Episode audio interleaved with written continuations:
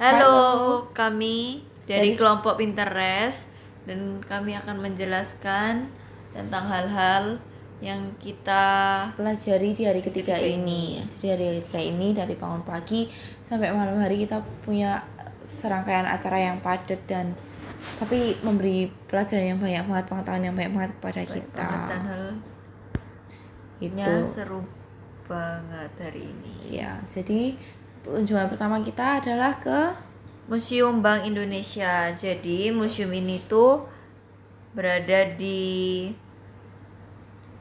tengah kota. Terus di dalam museumnya itu kayak dijelasin tentang uang dari zaman dahulu sampai zaman yang sekarang. Dan dulunya itu Gedung Bank Indonesia merupakan cagar budaya peninggalan The Javans Bank yang beraliran neoklasikal. Jadi eh, dulunya itu Bank Indonesia mempunyai dampak kebijakan bagi masyarakat sampai tahun 2005 sampai penyajiannya dikemas sedemikian rupa dengan pemanfaatan teknologi modern dan multimedia seperti display elektronik, panel stat- statik, televisi plasma, dan diora diora sehingga menciptakan kenyamanan bagi pengunjung dalam menikmati Museum Bank Indonesia. Jadi di dalamnya itu kayak setiap spot-spotnya tuh kayak kita bisa dengerin sejarahnya secara langsung dari kayak ada orangnya ngomong terus kalau enggak eh, contoh-contoh kostum yang dipakai dari tentara dan pahlawan-pahlawan zaman dahulu Hmm, dan Uh, terus kayak diceritain sejarahnya gimana Indonesia pernah mengalami krisis moneter, penurunan nilai mata rupiah seperti itu. Jadi meskipun ini namanya museum, tapi mereka tuh tetap memanfaatkan teknologi yang ada gitu. Mereka tetap menggunakan era digital ini karena sekarang tuh udah era digital, orang malas membaca. Jadi mereka tuh menciptakan kayak digital uh, kita bisa mendengarkan ketika kita berada di bawah suatu alat, mendengarkan kisah uh, sejarah uang Indonesia seperti itu jadi kita keliling-keliling tempatnya tuh luas banget di Museum Bank Indonesia ini dan kita tuh nggak sama sekali nggak bosen gitu loh ke di dalamnya. Soalnya kayak kita bisa belajar dan sedikit uh, flashback sama pelajaran sejarah kita waktu SMA, SMA mungkin ya. Jadi ada nama-nama yang gak asing juga. Ternyata hmm. kita bisa nge-review lagi ceritanya tentang sejarah Indonesia. Kayak salah satunya contohnya tadi itu ada Marco Polo ya kan iya ada Marco Polo dan teman-temannya gitu. Terus kayak sekarang tuh kita uh, secara sustainable marketing meskipun kita tuh udah di era sekarang tuh kita tetap membutuhkan uang gitu loh jadi kayak bagaimanapun juga nggak ada salahnya kita tuh belajar tentang sejarah uang gitu oh, terus. dan museum Bank Indonesia dirancang untuk mendidik masyarakat Indonesia untuk berperan sebagai sejarah panjang Republik Indonesia. Nah, seperti kebijakan moneter dan sistem pembayaran yang terus berubah seiring waktu, museum juga memberikan informasi yang disampaikan secara visual maupun audio tentang sejarah mata uang dan perdagangan di Indonesia dari zaman sebelum penjajahan hingga zaman sekarang. Dan di Museum Bank Indonesia itu bukan hanya uang mengenai uang saja, melainkan juga kayak benda-benda bersejarah dan barang-barang yang numistik dari kerajaan-kerajaan yang belum kita ketahui juga dulu yang menjadi yang ada di Indonesia dan sudah mulai uh, berkembang ke daerah digital juga soalnya udah alat peraganya udah ada LCD juga ya kan iya, iya. terus kayak ada TV juga speaker. Terus habis itu setelah dari Museum Bank Indonesia nggak jauh dari situ kita kunjungan ke tempat kedua yaitu Kota Tua Jakarta.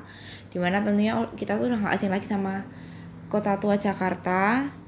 Kita tuh kayak icon salah satu ikonnya Jakarta gitu loh Kota Tua Jakarta ini.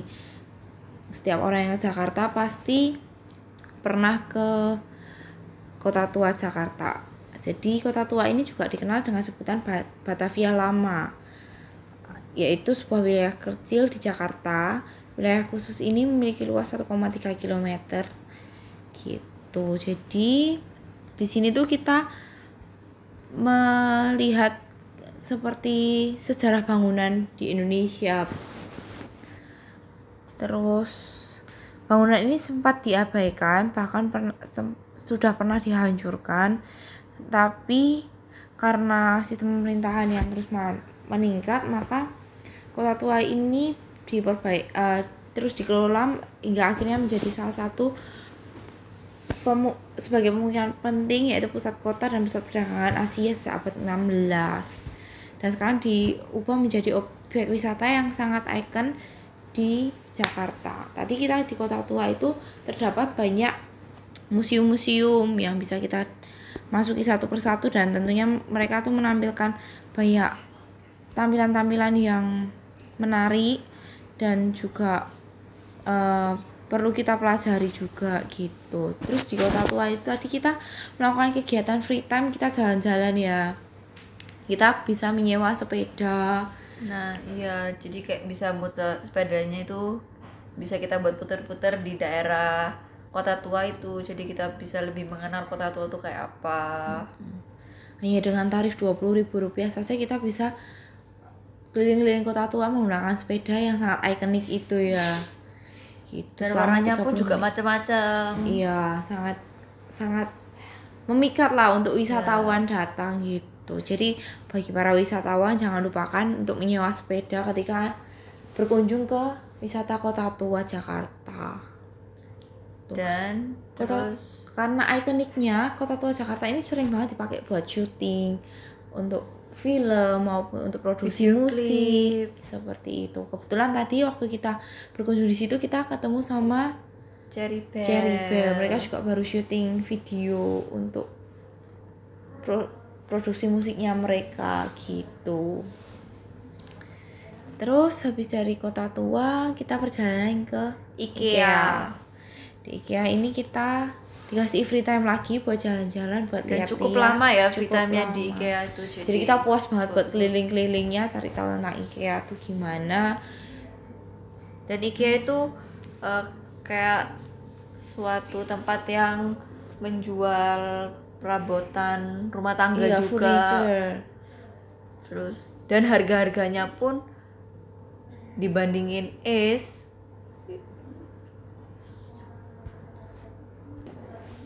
Nah dibandingin sama Ace tuh kayak barang-barangnya tuh harganya cukup terjangkau. Terus barangnya pun produksinya pun juga bagus gitu loh jadi kayak tadi itu kita keliling-keliling lihat-lihat dan kayak dua lantai ya IKEA ada dua itu. lantai gitu terus dan di IKEA itu kayak kita em, spot-spot kayak dekor tempat ruangannya tuh bisa buat kita jadiin foto-foto juga jadi kayak instagramable banget tempatnya buat kita Iya. Tapi untuk kalangan yang sudah berumah tangga itu tempat yang sangat tepat banget buat cari isi perabot rumah tangga, buat ngisi rumah, buat ngisi apa. Karena mereka tuh walaupun uh, di Jakarta tapi menerima pengiriman untuk keluar kota juga gitu. Di IKEA sendiri ini juga menggunakan sistem yang sangat digital. Mereka tuh bisa ada satu al uh, seperti layar itu tuh kamu bisa ngedesain gimana satu ruangan mau kamu kasih sofa mau kasih isi apa kamu bisa nge-arrange sendiri. Ngira-ngira kalau sofamu itu ditaruh di sini terlalu penuh apa enggak dengan ukuran ruangan seperti itu. Terus mereka juga melayani pembelian secara digital bahkan di di storynya mereka sendiri pun mereka menyediakan satu komputer untuk kita ngetik barang apa yang kita cari jadi kita bisa search tepatnya itu di mana bahkan kita bisa beli langsung lewat komputernya itu gitu. Jadi ya mm, mereka tuh walaupun punya store offline store yang begitu besar tapi mereka juga karena ini kita di era digital mereka tuh tidak tidak meninggalkan digital lifestyle-nya untuk bisa lebih mempermudah customernya gitu. Terus dan dekor-dekor yang ada di IKEA itu juga bisa membantu kita sebagai inspirasi dekor rumah kita Iya, juga. betul. Bahkan mereka menyediakan katalog yang sangat lengkap for free buat kita bawa, buat kita pick. Jadi kita tuh bisa nggak cuma waktu di store aja lihat-lihatnya, waktu pulang pun kita juga bisa. Dan itu sangat lengkap sih semua perabot yang mereka jual tuh mereka sediakan di katalog. Gitu. Terus di IKEA juga sangat terkenal dengan kantinnya.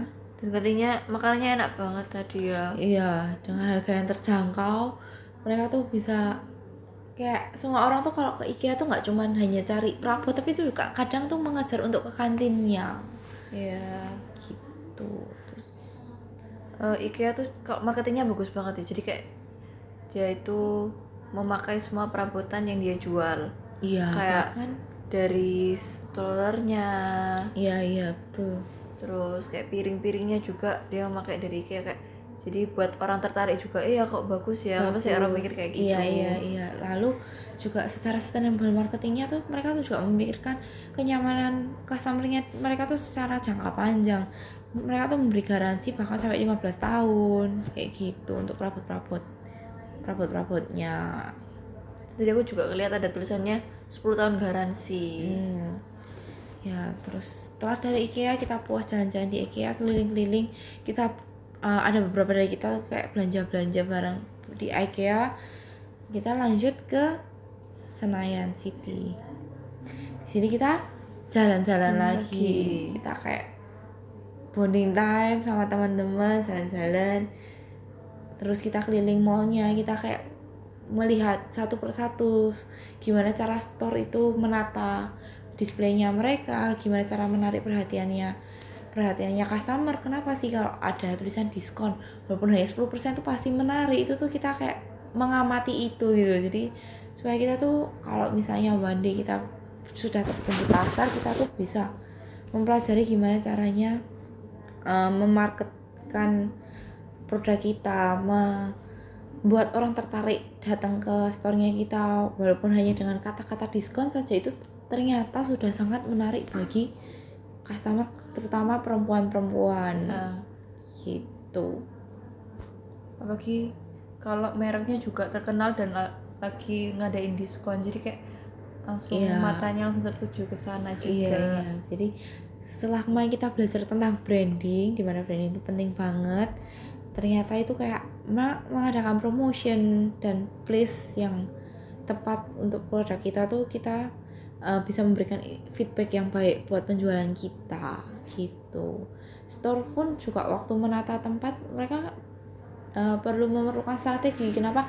Produk baru harus ditampilin di depan sendiri terus produk-produk yang di, di sale itu kayak produknya nggak terlalu tunjukin tapi ditunjukin Hmm. sale up to-nya itu kan juga salah satu strategi mereka dalam pemasaran kan gitu. Secara oh mengingat sustainable marketing di IKEA itu ternyata mereka sudah go green sekali. Mereka sangat peduli dengan gerakan anti plastik sehingga kita yang belanja itu tidak berplastik sama Oh, sekali iya. dan plastik yang mereka sedia mereka tetap menyediakan plastik untuk orang-orang yang sebelumnya nggak tahu seperti kita kita ini. Tapi plastik itu dibanderol dengan harga yang cukup tinggi yaitu harga 10.000 karena itu ditujukan bukan karena apa-apa karena supaya kalau misalnya plastik murah pasti kan kayak customer tuh daripada bawa repot-repot lah, pasti pilih beli plastik kan. Jadi mereka membanderol dengan harga yang mahal. Tuh supaya customer yang mau beli tuh kayak mikir-mikir gitu loh. Jadi eh, lebih hemat-hemat plastik lagi. Dan tentunya itu untuk keselamatan planet Dan kita. juga.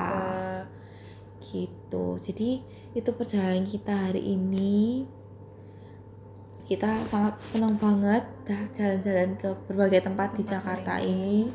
Dan sangat seru banget. iya tentunya kayak udah nggak kerasa capek padahal kita tuh jalan mungkin hampir 20.000 ribu langkah hari Iya, ini. mungkin. gitu. Jadi kita sekarang mau istirahat dulu untuk persiapan besok hari keempat jadi tunggu cerita kita lagi di besok, Besok hari keempat perjalanan ya. kita selama Senas ke Jakarta. Jakarta. Petra Mark goes to Jakarta. Jakarta. See you.